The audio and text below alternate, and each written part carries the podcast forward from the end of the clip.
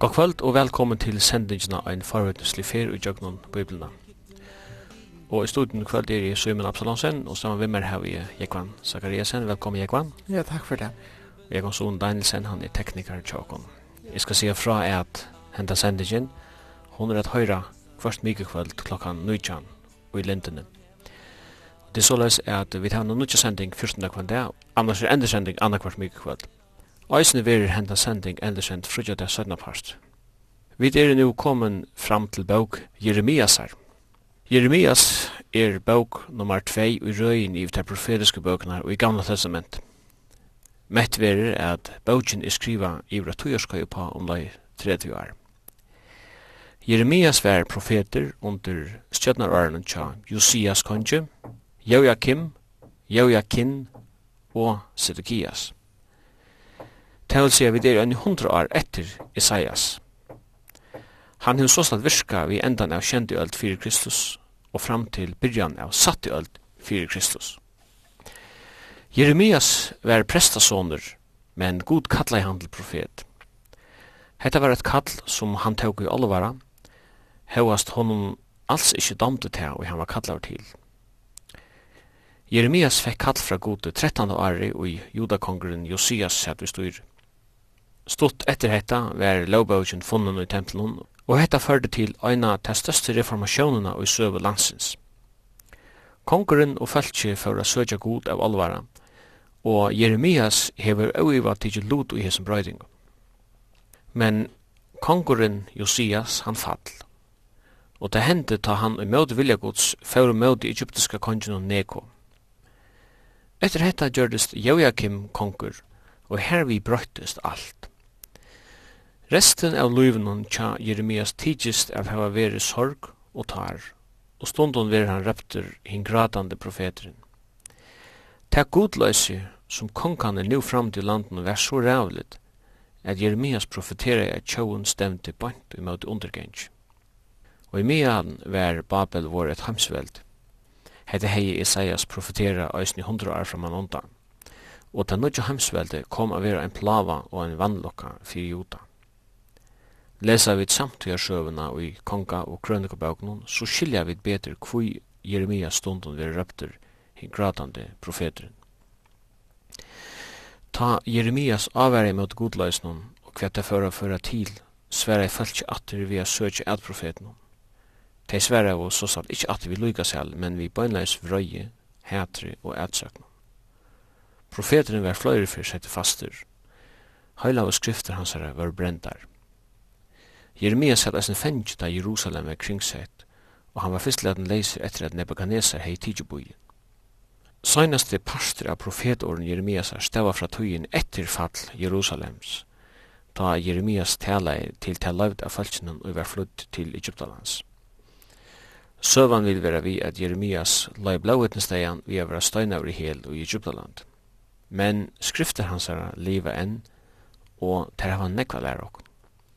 Mennesker kan vanvira båskapen fra herranon.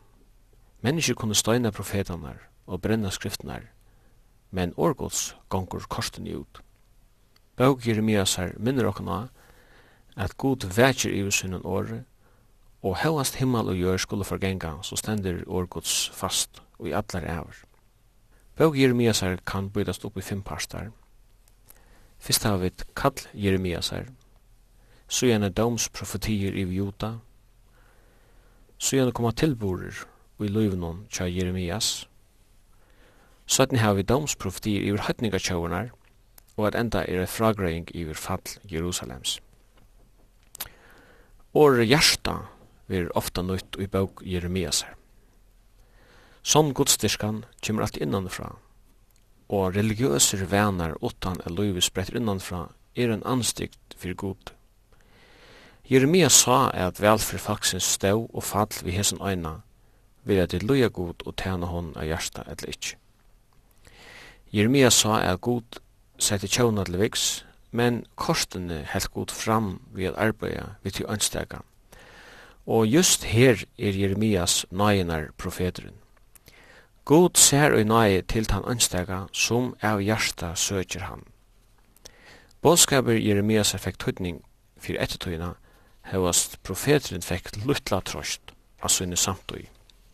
Daniel og levde sætni og var profeter under utleggni i Babel, granska i skrifter Jeremias her, og bådskapet Jeremias her i særlig avvarskan av ham. Og eisne i nødja testamentet så gavit navn og skrifter fra de gratande profetene. Og jeg kan ikke huske mer lagt fire visen her, uh, da vi leser kong og kronikabøkner, så har vi denne kronologi. Vi så ikke uh, tilborna kronologs og sammenhengt, men tar vi lesa profetane, så er vi bare midt inn i en og tojarskoj. Uh, tar vi nu hava Jeremias fyrir hver er vi så i forhold til Isaias? Vi kan bare tega det tojarmessig og kanskje eisen andalig. Vi tar som senast at til området er skilja de profetiske bøkene og ljósene av de søvlige bøkene er til at profetene passer inn i til tøyene. Og rent tøyermessig så er vi omlai hundra år er Isaias profet. Og nekv har hent søvliga bæg i Israel og i Judea.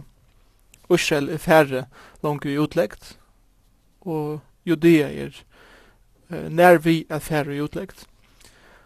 Og det som kanskje er området å lese, om man skal vita meir om tøyina som uh, Jeremias levde jo i, så kan man lesa Ære Kongabok fra kapittel 22 til 25. Men så korsen i åren, middelen Isaias og Jeremias, var det sjåan at han ønte konger Manasse, som eh, sæt ved styre, og holdt trusj år, eller så, meir enn trusj år. Og det hei først Israel, og en, en så svarsta tøy som han omgang lever i åren, eller judarutje.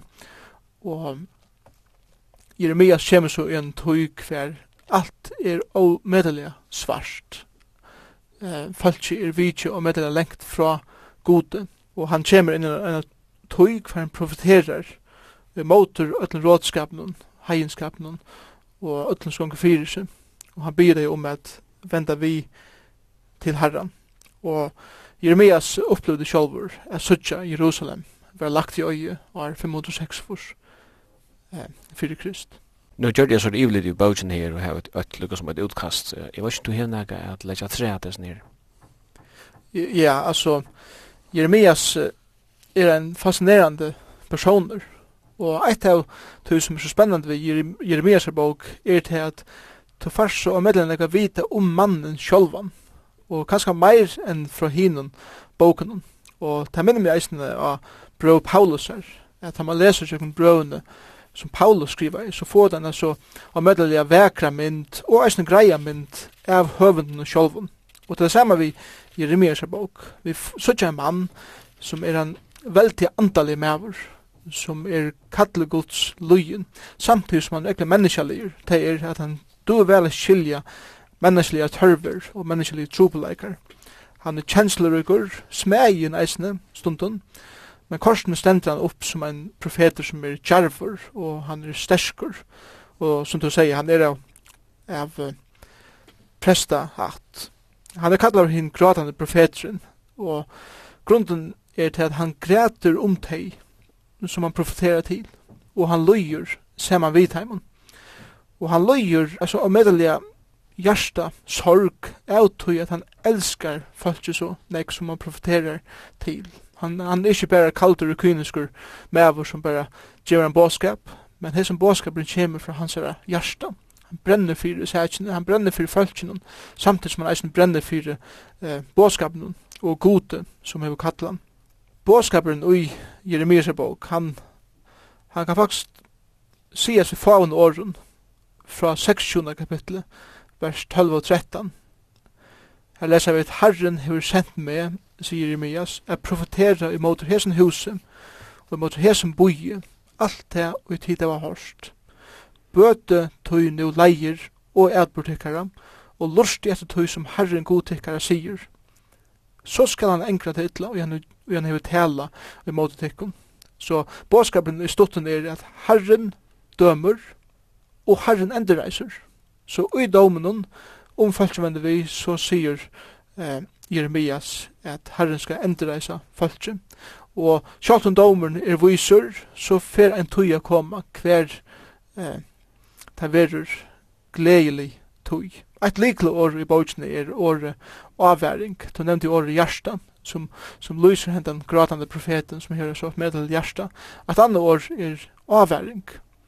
Og vi leser dømes, Herren har tala tiltekkar av tid, og i etter er av juta, til å vita at jeg og det heve vera tikkum, sier han, så at det er en avværing. Bogen er som det er en avværing, og en avheidan om folkgod som kommer atter til herren, eh, som de jo er vision fra. Åren eh, rævlig domer og underganger gods kommer i deg. Så derfor er det så ikke oppfyllt i disse bogene, at Jeremias profeterer at historien var tidsen i utleggt i halvfjers år. Jeg bodde bogene vanlig oppe i trutja parster, Fyrste kapitlen er en inngengur, hver Jeremias var kallaver til profet. Så gjerne kommer vi til en høvespast fra øren kapittel til 23. kapittel, som er profeter om Jota åren fall Jerusalems. Og fra øren kapittel til 20. kapittel er det meira generella profetier. Men så fra 21. til 13. kapittel har vi noen greinligere eh, profetier som er avviser og som eisen er dagfester. Det er andre iverskriften som vi kunne seta og er fra kapittel 4 til 45 som er profeter og, og søva om juda etter fall Jerusalems. Så det er etter 546 Og vi leser om leivitina som er i landen fra kapittel 4 til 24, Leivitina som er til Egyptalands i kapittel 43 og 44. Og så 45 kapittel er om Baruk, og han er skrivare, Jeremias her, at år herra kommer til Baruk. Så nå kommer vi til de seneste kapittelene, 64 til 51, og her er det profeter om hetninga tjåaner. 46 kapittel er det Egyptaland, 24 kapittel Filistarar, 48 Moab, 24 Ammon, eisne eh, Edom og 24 kapittel, eisne Damaskus, Kedar, Elam, og Babel rykje i kapittel 50 og 1 og så har vi et sånn at, atterlit i kapitel 52 den seneste kapitelen kan han hikker etter fatle Jerusalems og vi leser om at her eisen i ære kongebok 25 og i ære krønikbok 36 den her kapitelen og i den søvlige boken så Jeremias er en underfull bok som vi kan lære djupar og rannsakande sannleikare av fyrir okkun som enn liva i det. Du var inne på at det var en myrk tog i middelen Isaias og Jeremias, altså hundra åren her, der Manasse sier at vi valgte. Da man leser om Manasse, så ser man at det var høytene skier som han innførte, og med landa badnaoffringar, og, ja. og han offra i badn og, og annars lukt. Det er helt litt å lese om, om alt det som var framta. Men eh, det som hendte ta Josias tog vald. Han som sett vi valgte ta i god kalla Jeremias ja det var en, en veldig brödingar tog Jeg mener, han tog inte Jeremias blev kallad profet till en, en giltog i Israel ja det, till en vetsingar tog immun til det tog som hever i åren men korsen så viser det seg at at sjálvt om det var en vetsingar tog så var vetsingen ikke djup nok hon, hon får ikke være nye til røtene av trobleggene som var avgått av dyrskan. Og, og Herren reiste opp Jeremias ta at profetera. Det var jo annars ære profeter i landen som profetera og som som et høy som Jeremias. Til dømes Nahum og Sefnias og Habakuk var alle samtøyer profeter. Og settene ta, altså ta og i falskjøverferdig utleggt og Jeremias levde eisen etter det tøyene. Um, Ezekiel og Daniel var bare profeter som allukka kom og kanskje sindra attana. Det var kanskje unge dranger til Jeremias profetera men uh, allukka og så iulappa der kvann annan. Men Jeremias, uh, han virka i samsyn som Josias var konger, men leser man Josias er at uh, han uh, hever konger i minst med rett 8 år, da blir han søkja god. Og så finner han lovbøkene i tempelen, søytene. Og uh, det var det som var byrjanen til uh, den verre reformen som var fram i landet. Uh, Det var ikke bare det jeg søkte ut, men det var også til at jeg funnet lovbøysene, at jeg hadde noe utøysligt at halda seg til. Ja, det var veldig avhåverst. At året sier at kongren byrja søkja god, det var 8 år gammal, 6 år gammal, eller 6 år, 8 år 17, så, så finner han lovbøkene, og han er sjokkeret over. Pura sjokkeret over, at han ser at selv om jeg har søkt god, så er min godstyrkan lengt og syne. Jeg har til at han finner ikke malestosjen, som sitter standarden for hva godstyrkan er for nått år siden. Og jeg tror jeg vi kan lære en av medelistaren samleika og gjesten her og i det, at til, til kanskje nek som sier seg at være god rødgen og at kalla god og så videre, men som kanskje ikke seta den standarden etter skriften. Og Bibelen er det okkar malus okkar fire hva er ein absolutur sannleikje, og eisen hva er ein absolutur moralsk standard. Og vi, vi må seta allan standard til det kommer til det andalige løyve, til det moralska løyve og så videre, etter hva skriften sier, og ikke hva det er kjenne, og hva det er kjenne mot samfunnet er god og så videre. Og det var det som kongren oppdegi, og det blei det skratt i en klæg sin, og, og han sier til at, at min godstyrskan her til det pura skaiv. Og man kan kanskje leggja tre at er at uh, en åpen biblia av borgen ikke nødvendigvis mest en åpen biblia i fyrir okkara hjärsta. Nei, jeg kom også som en mann som uh, for, for, kort for, for, for, for, for, for, for, for, for, for, for, han talar till om att läsa orkots och hans märn fyrir så upp at ta som en predikman at han sier vi igjen at ja, det var godt som du talar om i kvöld. Jeg har själv vært i jökna bibeln fyra fyrir år og som mæveren talar han sier, ja, det er godt å høyra. Men la meg spyrir den spurning, hvordan ofte har Bibelen vært i jøkken te? Og til akkurat her, altså, vi kunne lesa Bibelen, men ikke tekana og føran en liv i sjåkon, men til nemlig det, er så at leta bøypen av avvis okra liv, så det ikke bare er høyre årsins, men eisne gerar årsins. Etla som okkur sier at det er ikke året som tjener okkur, men det er vi som er tæner årsins. Ja.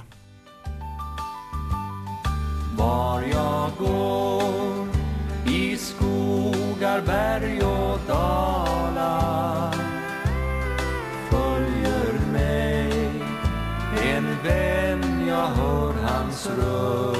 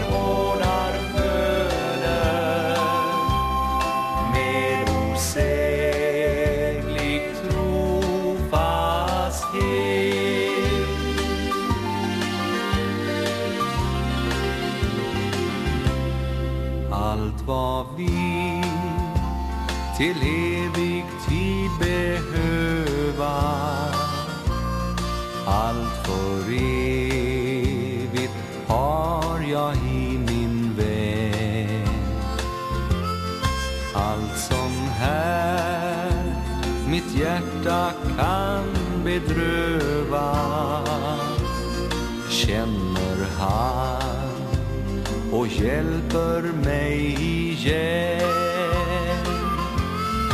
Väl försvinner ofta vännen kära. Men han sa det själv en liten tid. Sen en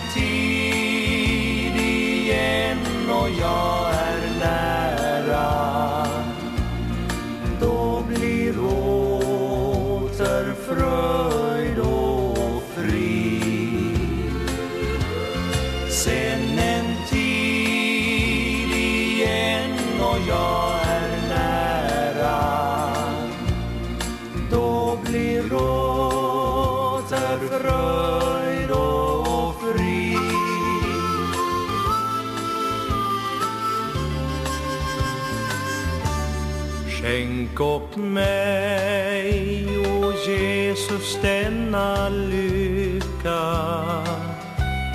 Som fördriver otrons mörka kvar. Korsets bild i hjärtat värde stryka Till beseger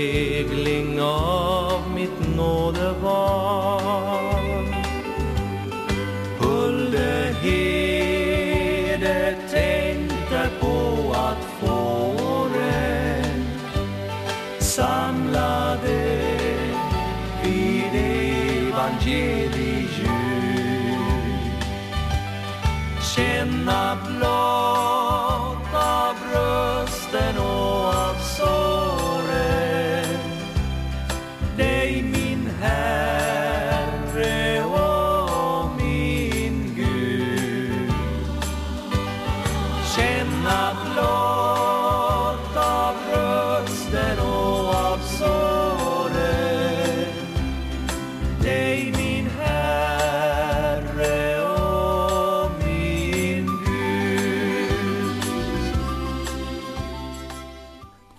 Jeg kunne huske meg at Tose synder om kall Jeremias her, til er byrjanen til det høyla, vi hadde langt i første kapitlet.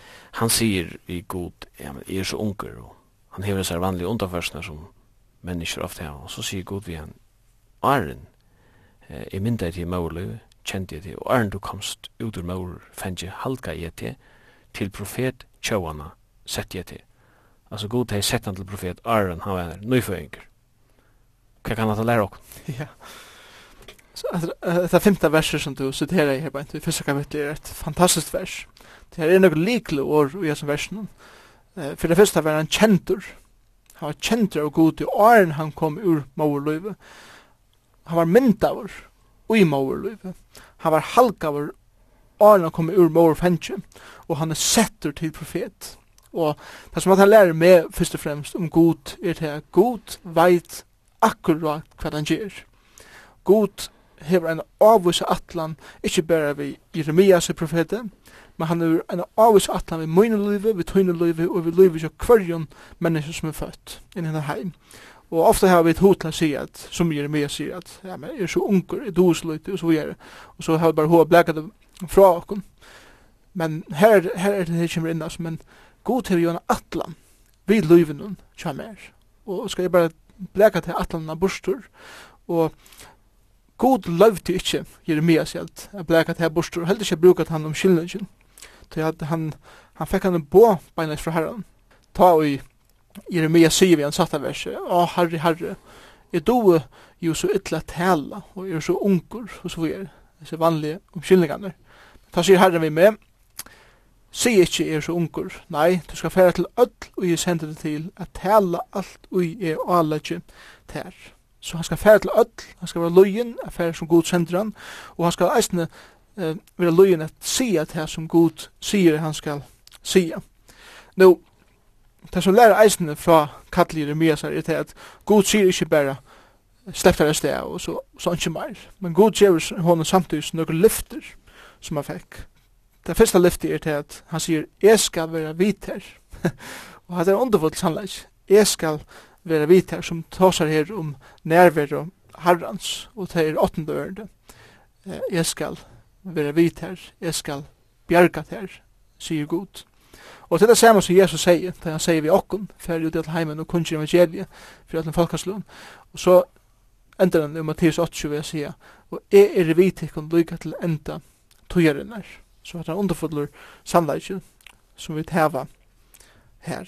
Jeg er vitt her Så Jeremias, han, han sier, ok, at her tar jeg for fullt. Og han får så, og han prædikar i år gods eh, til sitt folk. Og hadde vi som, som føringar kunne tidsi kall gods fullt og heilt og sagt, ok god, du kallar meg, er lujen affæra. Nå, er som er områdende eisen er til at kall gods er ikke bare kall til affæra og i fulltøyar tænast som tro på er vi öll er tro på tropårar, men vi er tro på tropårar altså og medlen egun im som støvun. God hevur kalla og sett okkum her som vi er. Det kan være av en flaggavirke, det kan være ombord en skipe eller batum, det kan være en kontore, det kan være en skola, det kan være heima, det kan være så nekva stener. At det er her som en tryggvande mer og kvinna arbeid, her som det koma, her som det er. Her er det god til å sett hei at hana sunne rei, Og, og spurningen bare, er du villig til å være brukt her som god til å sette meg, og i tog som han vil give meg, at arbeid vi i min daglige dag, her skulle vi brukast. Og at du finnes her innom, tog at en trobore er ikke endelig en som brukar alle tøyene til at tala, men en trobore er en som brukar tøyene at vittne om herran, og være ombudsmær for herran, her som han eller hon kom. Da man leser det her i Jeremias 8, så koksar man ganske, ok, hette var Jeremias. God, det alle han Arna mynda han mål, men hva så vi mer og hva så vi åkon. Her er det noen skrifter som lukar som kommer fram for meg, men du eh, nevner at det här. Sen i Salm 193 där David sier at, uh, som foster så eier til meg, og, og i bokten er, er det det han uppskriver. Arna äger til han var tid. Og Efesus 2 tutsi här ständer det här at, eh, du vidare smui hans här og skapte Kristi Jesus til gau som god tarm undan hinn lagt røyer at vi skulle livet dem. Det gjør greier oppendingar om at god er en detaljera av god. Ja, det er sikkert. Og eisen er versen i Esbron 2 at vi er frels ikke av verskun, men til gåversk. Og, og vi glemmer, vi er ofta så, vi prædikar her evangeliet at, at det beste nøy, det er ikke verskun, som, som er rett evangelium. Men evangeliet er eisne at vi er skapt og frelst til at gjøre gåversk. Det er simpelthen at vi er kalle gods lojen, her som han sier okkom. annet som er avverst, nu siterer du Salm 137, og i tog Salmen sier David eisne, hver skal flytja fra Asjantøyne? Hver skal færa? Færa er til enda gjerne så er her, og så videre. Og jeg tror at det som det lærer okkom er til at om god hever kalla okkom til nega, så får han ikke lade dem slippe utan vi gjør. Og jeg tykker at, som vi Jonas profeti, at god kallar han, og han vil til han gjøre et arbeid. Og de som er kallar Guds åløyen, tykker det kommer å kosta trolig nekv i løyvene. Det kan være så og med det nekv forskjellig. Det kan være at vi missa nekv av de sikninger som har er i atlakken, om vi ikke være kallar hans av løyen. Og måtte det være et, en, en, en avværing, samtidig som det er en edjan til at lusta etter hva er det som god kallar meg til, og så støy ut av løftene, lykka mykje kvæt. Og til Jonas, her ble det en sånn innviklaver omvever til han var god og løgn, inntil enda fram enda jeg samme sted, og så stendte det, så kom årherrens ærefyr til Jonas. Ja. Så skal det ofte være jokk. Jeg kan neve inne på at det her er at kongeren dør Josias, og det viser seg som at uh, det var en veldig atterstid for tjåene. Og så henda nekker, så færa nekker tilborar fram i samband med Jerusalem, yeah. som er øyla dramatiske og rattliga blåir og euhonalir. Og Jeremia sitter fengt i Jerusalem under til søgnast i hersetningene. Yeah. Ta i Jerusalem endelig fall, og han sa at det enga oppfyllelse som han sjálf var avhverjum av det å profetere om. Ja, Jeremias, en av grunnen for han var kallet han gradande profeterne, er til at han var så medelig enn jeg ætsøkter, eisne. Og nu tar vi tås om fall Jerusalems, så var fall Jerusalems i trimon stigen, kan man godt sige. Og er 605 kom Babels rydde første fyr og hersette Jerusalem. Og ta var Jehoia Kim konkur. Og fra tog faktisk gjørtest Jerusalem på en måte, undergivet Babylon, kan man godt sige. Og år, år 605 var det at Daniel og trutje vinner hans her, var ført utleggt til Babylon. Og i 525 var det Jehoiakim som var konkur, og onkur som heldur til at Ezekiel var tidsni utleggt ta til Babylon. Men fra, særlig fra 525 til 586 var Israel, eller Juta heldur, ikkje en, en verlig sjålstøy utjov, men hon var faktisk under Babylon, det kan man godt sija. Og kongen i Babylon, Nebuchadnezzar, han lovde bare kongen i Israel at være her et slag av heimastyr, kan man godt sige. Han var et slag av landshøvdinga. Ja, en landshøvdinga er kanskje bedre ord. Og så langt som han betalte skatt til Babylon og alt var i ordan, så kunne han være her, og han kunne heva sina religion og så videre. Men tar kongen som kom atan da, i høya kin, og så videre, lukka til Sidikias, den senaste kongen, tar byrja å gjøre oppreistur, i motor, Babylon, og tar vil ikke være under Nebuchadnezzar og så videre. Og ta er det at Nebuchadnezzar kommer til Jerusalem, og herseder byen, og i tvei år, opp til tvei år, som du sier. Og Jeremias har livet og Jesu tøyene, hver Jerusalem var hersetter, han har kanskje vært i fengehuset, han har li og, og møter den ek jøknes av tøyene. Og til er rannsakende, at det hukse om Jeremias, han har profet, profetera til Israels folk og sagt, hetta fer at hende om du ikke vender vi og han ser at falske vender ikke vi, han ser dom Guds koma, og i sunni egne tog. Så man kan godt si at, at han profiterer ikke bare om han er framtøy, at det finner jeg hent framtøyne, men om han er samtøy finner jeg hent, og jeg får være pastor, jeg er utrobeleggende sjolver, og jeg får få dom domgods faktisk i meg sjolvan, den domen som er sjolver, prater ikke. Og man kan godt si at jeg er kall Jeremias har vært omedelig durst kall, av til han vært som jeg er av folkene, de grunnen for at Jeremias var ætsøkter, var til at de ville ikke høyre båskapen, at domen for å komme. De hilde at velstande stod til, og vi skulle nok klare okken, men Jeremias sier at de færre ikke klare det, de færre at loja, og tog var han hætavur, han var, ja, han leise og medelen ekv, eh, fire som båskap. Jeg kan nevna nøkere av tingene som han lei. Bygda Bygdafolkje og sjalt skilfolkje sjånen la hon et løyvenen Det leser vi om i 11. kapitlet. Vi leser om høvdingarna som rådde Judea, der vil det ha drypnan, det leser vi om i 8. kapitlet. Joakim, konger som nevnte Johanne, han at tega seg av noen eisne og drepa han, kapitel 36. Han var sliene av Pashur, prestenen, i 20. kapitlet. Han var setter i stotjen, eisne, i 20. kapitlet. Han var tisne hånden og høtte ved løyvnen i 16. kapitlet. Han var innestongtur, og gjennom vaktarger i 2-3 kapittel og eisen i 6-3 kapittel og så kjenner seg han i fengehuset i 6-3 kapittel han var kortur nere en brunn hver han var lunsje i 8-3 kapittel og han var eisen bunden ved lunsjen i kapittel 4 så og vi gir mye oppleva nekva anna som ikke just den sier nyskriva her beint.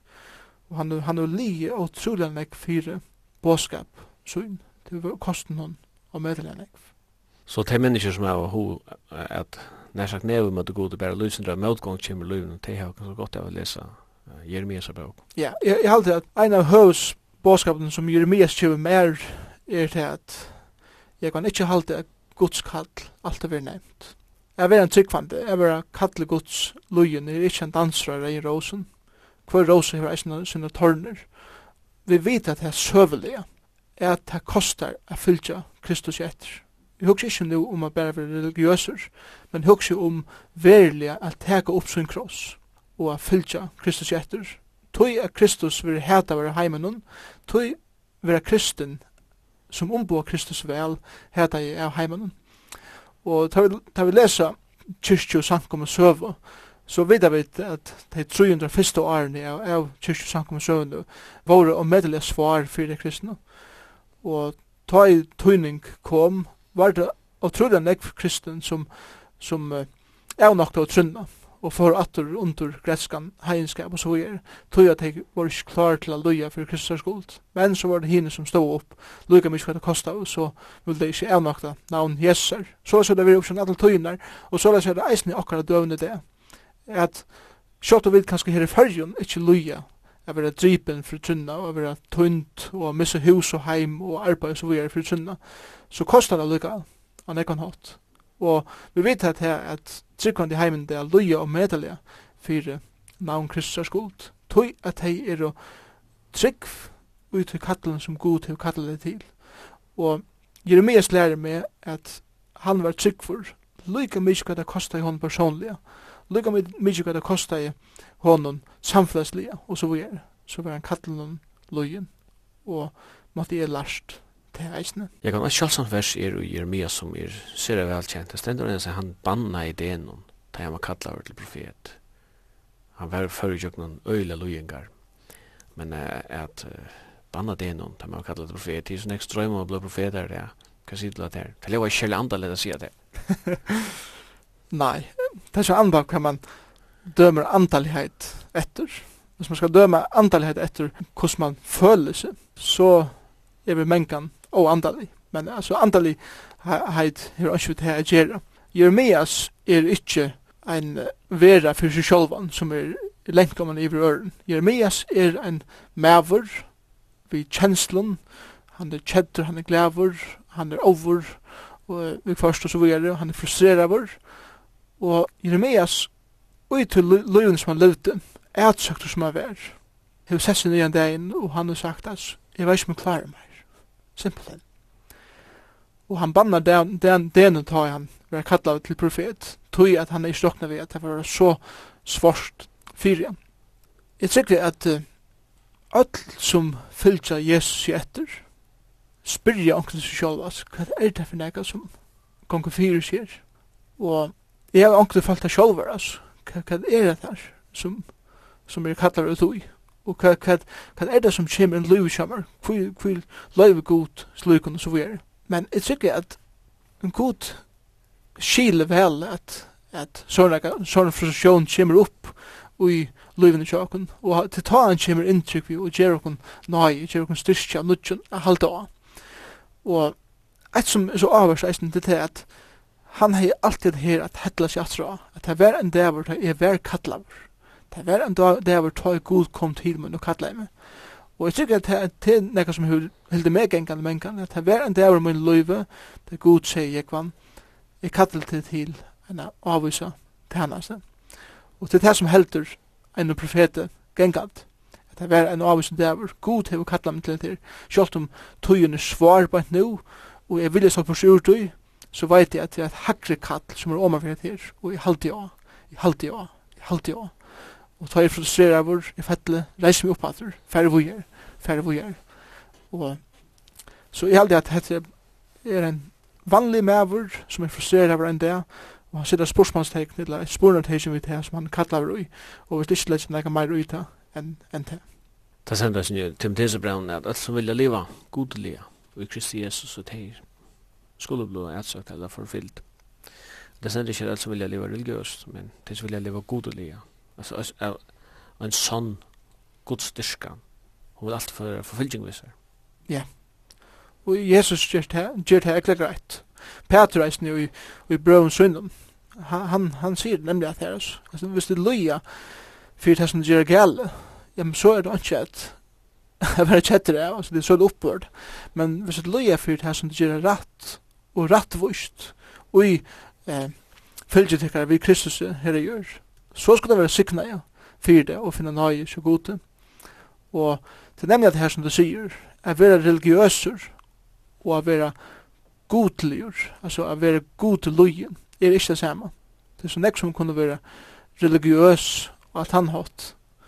Men er vera at her går opp sin kross og fylgje god etter, ut i æser, Og her mener ikke vi endelig å være ekstremer, det er nega sort, at for ut av gøtene og råp og sånn nega. Men jeg husker om at standa opp for det som er rett. Det kan være pura frihet. Og jeg tykker ikke, jeg tykker ikke at Bibelen nega eh, oppbygger at være revolutionist, eller at eller at råpa opp om nega. Men jeg tykker at det som gonger samla fyrir seg, det som gonger fyrir seg ui lov og i ordan, men lykka standa opp for det som er moralsrett standa for det som er absolutt etter året gods. Det skal eisne føre til lojeng av imenskon slag. Ja, og ser man bor i en muslimsk land, eller en såkallt kristen land. Ja, og, og jeg tror at løyingen vil kanskje kvar søgn i en muslimsk land, så i en kristen land. Tog at i en muslimsk land, her vil det krossfest, og det vil brent, det missa heim, det missa arbeid, og det vil drypen, og så videre, for sånne trygg. I fyrir kanskje, her det ikke hatt den ekstremen. Han kan komme, han er ikke nu, men vi kan ska loja, kan ska vi vill spotta i för för sunna. Og det er nek som har sarkastiska bemärkningar och såna Og och kanske vi tåra, men kan ikke standa upp för det här som är rätt och att tala mot det som är skevt så vi tror att att folk fända efter grund eller eller kalla sig verer men det är inte slä av av lojing för Kristus Og och psykiska förfylkingar till till så är ganska ofta värre än det korporella ja, det er helt sikkert, og det kunne kanskje være nekk langer vi enn en likamlig langsjørt. Tänk vad skönt att bara finnas till Bara fri att göra allt det som man vill Tänk att gå sakta fram under sol på en strand. Höra vinden stilla viska fram ditt namn. Jag kan inte sluta tänka på Allt du ger mig sommarsol och himmelblå. Jag hör sång och jag ser Hur man skrattar och ler Och man sjunger om det sköna som du ger. Jag sitter högt på ett berg och tittar Utöver jorden. Jag ser skogar, jag ser regnar, jag ser hav. Jag ser människor små Och jag börjar att förstå. Vi behöver alla dig och särskilt jag. Många vet ej om din existens Men jag tycker att du både syns och känns När jag ser allt du gjort Både litet och stort är jag tacksam att du tänker just på mig. Tänk om alla visste vad jag vet. Ja, det är ju inte alls någon hemlighet Att den frihet och glädje jag har alla dagar. Ja, den vill du ge till alla och en var Jag sitter högt på ett berg och tittar Utöver jorden jag ser skogar, jag ser regnar, jag ser hav. Jag ser människor små och jag börjar att förstå. Vi behöver alla dig och särskilt jag. Jag sitter högt på ett berg och tittar. Utöver jorden jag ser skogar, jag ser regnar, jag ser hav. Jag ser människor små Och jag börjar att förstå. Vi behöver alla dig och särskilt jag. Vi behöver alla dig och särskilt jag. Jeg kan en standardspurning som alt hava til etter, hva sutja vi Kristus i Sebaugen? Vi sutja Kristus eisne i hese bok, og jeg heldig at vi sutja han først og fremst ui Jeremias sjálvun. At han var den gråtande profeteren. Han var den profeteren som hei så omedelig omsorgan eh, fyrir sin egna fölkje. Han elskar det av sin djupa seg hjärsta. Og det minner okkur beinleis om Jesus Kristus. At vi leser til dem som Mattis 23 og så videre.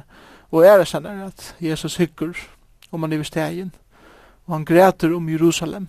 Tog at han er vilja sauna hetta folk som ein ein ein høna sannar unga synar men folk ikke vil ikke og det er færa hvordan at og Jesus han, han græter i vestegen og vi leser æres honom tok hjertelig synd i falskene til at det er ytla haggreit som sier og ungan hiri hever og så vi er Jeremias er underfullt mynd av Jesus her at han er en som hever omsorgan en som elskar sitt folk vi leser eisne om uh, til livande eller kjeltena vi til livande vattnen i Jeremias her, bok, kapittel 2 og vers 13. Og hatt minner okken av da Jesus møtte kvinnene eh, av vei opp til Galilea, det var Samaria, og Johannes 4, 14, og her sier han at om du drekker av til vattnet som er her i bjåa, livande vattnet, så skal du du tista atter.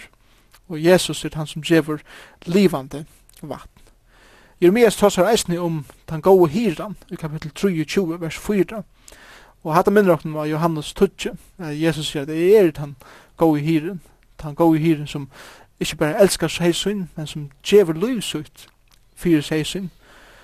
Og vi leser eisne om ui 3. kapitlet ui Jeremias at god vil kalla vir rattvise og ta minner okkur eisne om Jesus Kristus i oppenberingen i Nujjan, hvor han kallar sann åraver rattfyser, og til en titel av Jesus, at han er han som ein dag skal døma sann åra og eisen i ratte, fullkomliga eh, rattvust.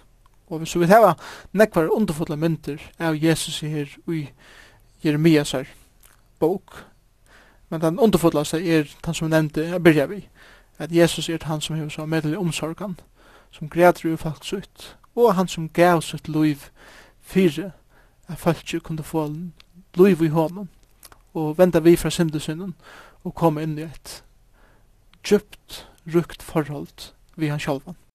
Jeg kan et vers i Nødja som minner meg negg om Jeremias, det er det stender Johannes og et om Jesus, at han kom til sitt egna, men hans egna tog ikke mot henne.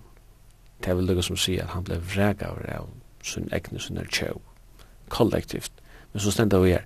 Men så mange som tøk med ut i henne, til det som her kjøpte han ansteg gjennom myndene, mm. tøy meg gav han mått til at uh, kallas bødengods. Og det, det finnes veldig lyft til det ansteg, og så er det god utjøkken i Jeremias, til det som er nøye som, som uh, streimar utjøkken bøkene. Hadde kanskje er en, en vinkel her til søgnast. Ja, det er helt sikkert. Jeremias han prædikar en bådskap at det som god ønsker er å komme inn i et samfunn og ikke forhold vi henne, vi henne einstak. Og, og, og som du siterer i Johannes her, at kvarjen og ene som teker mot honom, gjever han styrke til å være et baden gods. Og tann styrken til å være et baden gods, hon kommer fra gode, god er han som teker initiativet til at kunne komme inn i samfunnet. Jeremias prædikar jo domguds, men og i domguds er alltid ein, ein båskaper om vogn og om glede å finna. Og sikkert han båskaper til en einstak at, at sjålt om folket vreka god, så er det einstakningar i folkene som få egin oppfyrir at ja, men jeg må jo ha et personligt samfella vi god. Båskapen er samme i det. Domur fyrir å koma iver alt oratvise i hessen heime. Ta lærer Bibelen pura greit. Ein dag for god er døme hendan heim og at han ønskap. Men båskapen er til einstak at god hever utvi alt som skal til til å koma inn i et rett forhold og få synda sporningen eh, greitan. Og det forholdet er til at han kan komme og kjenne Herren Jesus Kristus som sin personliga frälsare. At god har gjort en sottmala, og Jeremias tåsar om en nudjan sottmala ui, uh, ui sinne bok, som god skal gjera vi folksutt, ui endrande kapitlet at de er koma, sier Herren, ta jeg skal gjøre nudjan sottmala vi hus Israels og vi hus Juta. Og vi vet at det at Jesus sottmalen, han var uppfyllt av Jesus, kom til gjerar, døy av krossen og reis oppad fra henne deg, og ta, fekk samkomman, det er heitningar og jötar som vender vi til herran, eh, lot ui hesson nutja sottmalen som god hever give Israel og, og judarutje. Og han sier, Jeg skal ledja lovmøyna ui sinnet herra og skriva hana av hjertet herra. Jeg skal være god herra og de skulle være folk mot. Og det er underfullt sannleis det her at god sier at henne det er vi okkom føringar, kvann einstakan, til tøyn som sitter heime her i stående, eller køyre i bilen, eller hver det så erst. God sier, jeg kan være god tøyn, og tu kan være badmøyt. Om du djevet tøyt loiv, loika mykje hver tøyner omstår er, om du hever press fra arbeidenen, om du hever negvar deadlines, om du hever familjetrupeleikar vi bøttene, eller foreldrene, eller om du tjonarbandstrupeleikar, eller om du fudgelige trupeleikar, eller kveld dess er som pressar inn av det, og som krøster det oppi av hjørn, så er god fyrir for å komme inn i tunna situasjon, her som du erst, lyga mykje hver du erst, og han er føre for å opprette et samfunn og et vinala vi til at teka det bors ur synda trobeleikene og, og frelsa det gjør det et nytt liv og et nytt hjerte. Og han skal være tung god og du skal være baden hans her som han sier hverjen av einon som tog imot som honom gav han kraft til å være baden gods god skal gjøre et her kære viner kraft og i kvöld at være hans baden, om du djevel til liv til han, og han skal hjelpa deg i jøkken livet, trobeleik er vera i ja, men han skal hjelpa deg i jøkken, og føra deg heim og i en sted som er himmelen, hva du kan vera vi honom, og i atlar, atlar, atlar ever. Og det er påskaperen som Jeremias, eisne, boar, at domer gods kjemur, men nage og frelsa er a finna, og i gode, og i Jesus Kristus er eina, og i ångon, øren. Og vi har sånn øren så færre vi til å si takk for i kveld. Jeg skal her til sist si at det er at denne sendingen en formelslig formåslig fyrtjøkken bøyblan vil sendt kvart mye kveld klokka nøytjan i lintene. Til så leser jeg fyrstunda kvann det har vi en nøytja sending og fyrstunda kvann det endersenda vid. Og annars vil jeg sendingen endersenda er frutja det søtna parst. Jeg finner å takka Jekvann Zachariasen for at han ville være her i kveld, og i studien var jeg Simon Absalonsen og Jekvann Sol Danielsen, han er vir teknikerjobb. Takk fyrir. He spoke into the darkness and created the light.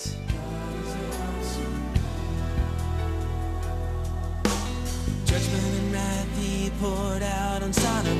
Mercy and grace he gave us at the cross. I hope that we have not too quickly forgotten that our God is an awesome God.